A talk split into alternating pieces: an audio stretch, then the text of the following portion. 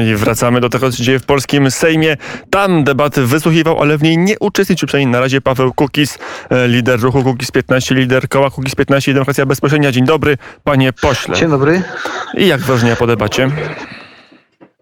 Jak, przepraszam, co, Jak przepraszam, wrażenia po debacie? dosyć- No, no, wrażenia jak wrażenia, wie pan, no sytuacja jest generalnie jest poważna i, y, i y, no oczywiście ten aspekt jednak y, wewnętrznych jakichś niechęci wzajemnych y, na sali tej plenarnej jak zawsze jest, no ale w mniejszym, że tak powiem, stopniu niż, y, niż zawsze. No i tyle.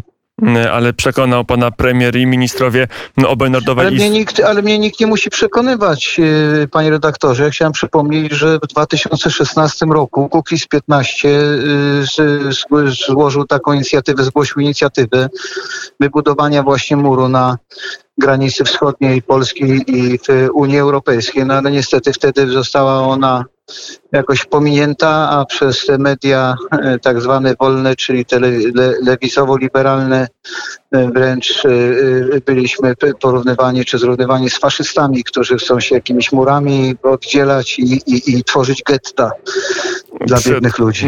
Przed godziną litewski Sejmas przyjął decyzję o stanie wyjątkowym. To jest bardzo podobny stan jak w Polsce, też stan konstytucyjny, też stan nadzwyczajny. E, Za było mm, 124 posłów i jeden był e, przeciwko. E, W Polsce to głosowanie wyglądało zupełnie inaczej. Czy teraz byłoby, czy teraz byłoby właśnie inaczej? Czy po tym przemówieniu myśli pan, że gdyby teraz było jakieś głosowanie nad stanem wyjątkowym, to opozycja poparłaby rząd, czy też nie? Ja powiem szczerze, że nie wiem. No prawdopodobnie najpierw musiałaby ta opozycja zrobić e, badania i, i, i, patrzeć w jaki sposób to wpływa na ich słupki poparcia, bo niestety tak jest e, polityka w Polsce przez ten ustrój e, partyjny, w, e, tak, tak ona wygląda. Więc tutaj zawsze jednak niestety zwyciężają partykularyzmy partyjne, a nie, w- a nie, nie, nie interes wspólnoty, interes państwa polskiego. A nie jest tak, że też koalicja rządowa też patrzy na słupki też swoje decyzje wyznacza pod względem popularności publicznej? Wszyscy patrzą na słupki, ja mam ten komfort, że patrzeć nie muszę, bo, bo nas w sondażach nie, um, nie ujmują. Natomiast myślę, że jednak no, z racji pewnej mentalności no, partia władzy ma, y, i to mówię nie jako jej obecnie człowiek, który współpracuje y, z PiSem w ramach y, podpisanej umowy, tylko po prostu jako obywatel. No, mentalnie Prawo i Sprawiedliwość jest partią propaństwową, więc no, zdziwiłbym się, gdyby, gdyby tutaj zwyciężyły partykularyzmy.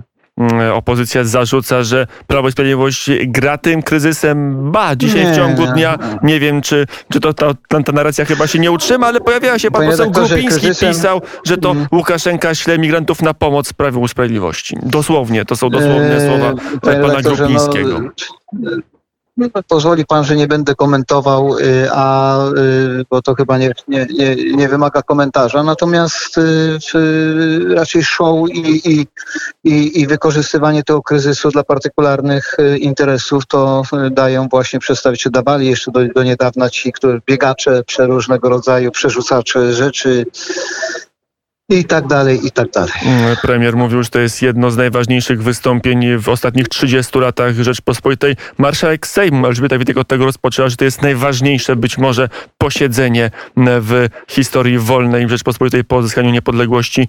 E, Pan też miał takie wrażenie, że to jest najważniejsze wystąpienie?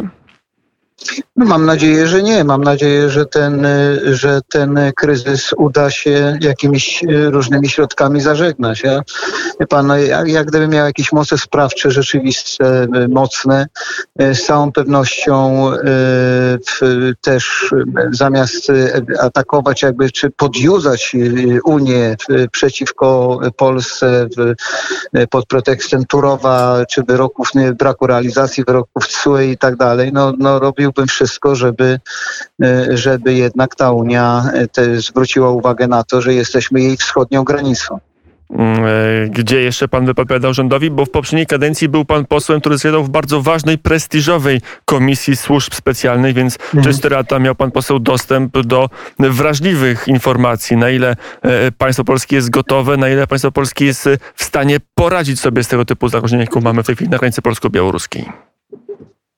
Panie redaktorze, po pierwsze ogrom tych spraw Komisji Służb Specjalnych jest y, objęte y, tym certyfikatem tajności. W związku z tym no, nie chcę tego tematu jakoś rozwijać, w jaki sposób państwo jest przygotowane. No jest przygotowany, jesteśmy przede wszystkim członkiem Unii Europejskiej, jesteśmy również członkiem NATO i myślę, że tutaj te akurat y, to nasze członkostwo powinno być, skoro ci nasi sojusznicy jakby no nie poczuwają się tutaj do jakiejś inicjatywy, podjęcia inicjatywy, no to może jednak do ich, ich do tej inicjatywy y, przekonać, by, by partycypowali w ochronie wschodniej y, granicy Rzeczpospolitej. No, Myśli pan też, ostatnie pytanie o ten kryzys, że e, dlaczego w zasadzie strona rządowa, szeroko pojęta także z Pałacem Prezydenckim, tak bardzo wzdraga się przed powołaniem czy zwołaniem Rady Bezpieczeństwa Narodowego, tego forum, gdzie mogłaby się spotkać opozycja z koalicją rządzącą? No wie pan, no dotychczasowe doświadczenia są takie, że opozycja właśnie wykorzystywała, to mówię z przykrością naprawdę i proszę tego nie traktować tej wypowiedzi jako wypowiedź polityczną, ale raczej jako analityczną. Yy, no, wie pan, no trudno współpracować, czy, czy, czy, czy w tej chwili zwoływać, yy, powoływać jakąś specjalną radę, również złożoną z opozycji, yy, yy, która jeszcze niedawno, tak jak powiedziałem, no, biegała po tej granicy i, i, i do tej pory no, duża część, yy, czy pewna, pewna część powiedzmy yy, posłów posłów opozycji, w tej totalnej opozycji, e, lekceważy pewnego rodzaju mentalność e, wschodu. Wie pan, ja powiem panu w wielkim skrócie. Ja pochodzę, mój, mój świętej pamięci ojciec e, pochodził z Kresów. Mój dziadek był przedwojennym polskim policjantem. Zamordowany został przez Rosjan, przez Sowietów na Brygitkach w Lwowie. Do tej pory nie wiemy, gdzie, gdzie, gdzie, gdzie leży, gdzie, gdzie jest jego grób. E, Ja byłem na, przez cały Majdan praktycznie na Ukrainie. Miałem okazję e, przez kilka miesięcy obserwować e, i jakby też poznawać mentalność i, i, i pewne, mentalność pewnego polityczną, że tak powiem, w tej wschodnich nacji.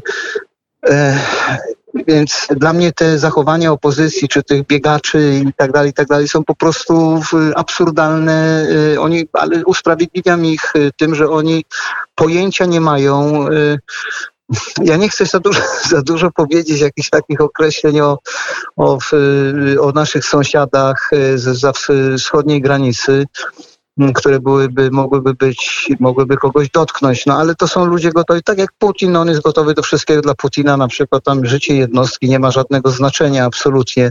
E, I podobnie jest, e, podobny jest klimat na Białorusi.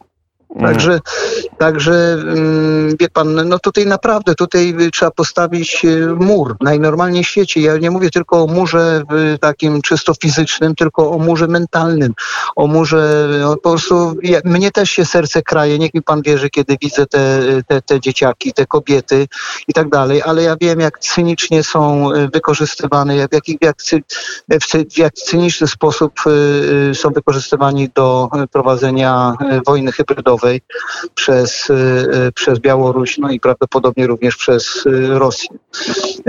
Więc ja mam tutaj, panie redaktorze, naprawdę dyskomfort rozmowy, bo to jeszcze ostatnie pytanie i odchodząc od z że mam pana posła na łączach, co będzie z projektem o sędziach pokoju? Już tak zmienię temat diametralnie. A ja nie chcę w tej chwili zmieniać tego, to o sędziach sobie porozmawiamy wtedy, kiedy, kiedy skończy się to posiedzenie, kiedy zobaczymy, co się y, wydarzy, w jakim kierunku idą, y, będą szły te zdarzenia na, y, na naszej wschodniej granicy. Ja się tak przy okazji ja się obawiam, że niestety, ale one mogą, podobnie jak na Ukrainie, konflikt się rozpoczął w 2014 roku i praktycznie do tej pory on trwa. Cały czas coś się tam dzieje i boję się też połączenia tych dwóch spraw. Boję się się, że to rzeczywiście może się ta cała sytuacja, e, jeszcze biorąc pod uwagę mm, e, no, ostatni wybór Amerykanów, e, no, niekoniecznie pomyślnie zakończyć. I właściwie jestem cały czas myślami w tej sprawie. Oczywiście cieszę się bardzo, że są sędziowie pokoju, że, znaczy, że, że jest projekt ustawy i tak dalej, ale to nie jest dzień, w którym powinniśmy o nich rozmawiać. Mm, to umówmy się na inny dzień. Paweł Kukis, lider koła polskiego Kukis 15, Demokracja Bezpośrednia był gościem Radia Wnet. Dziękuję bardzo. Bardzo dziękuję. Wszystkiego dobrego.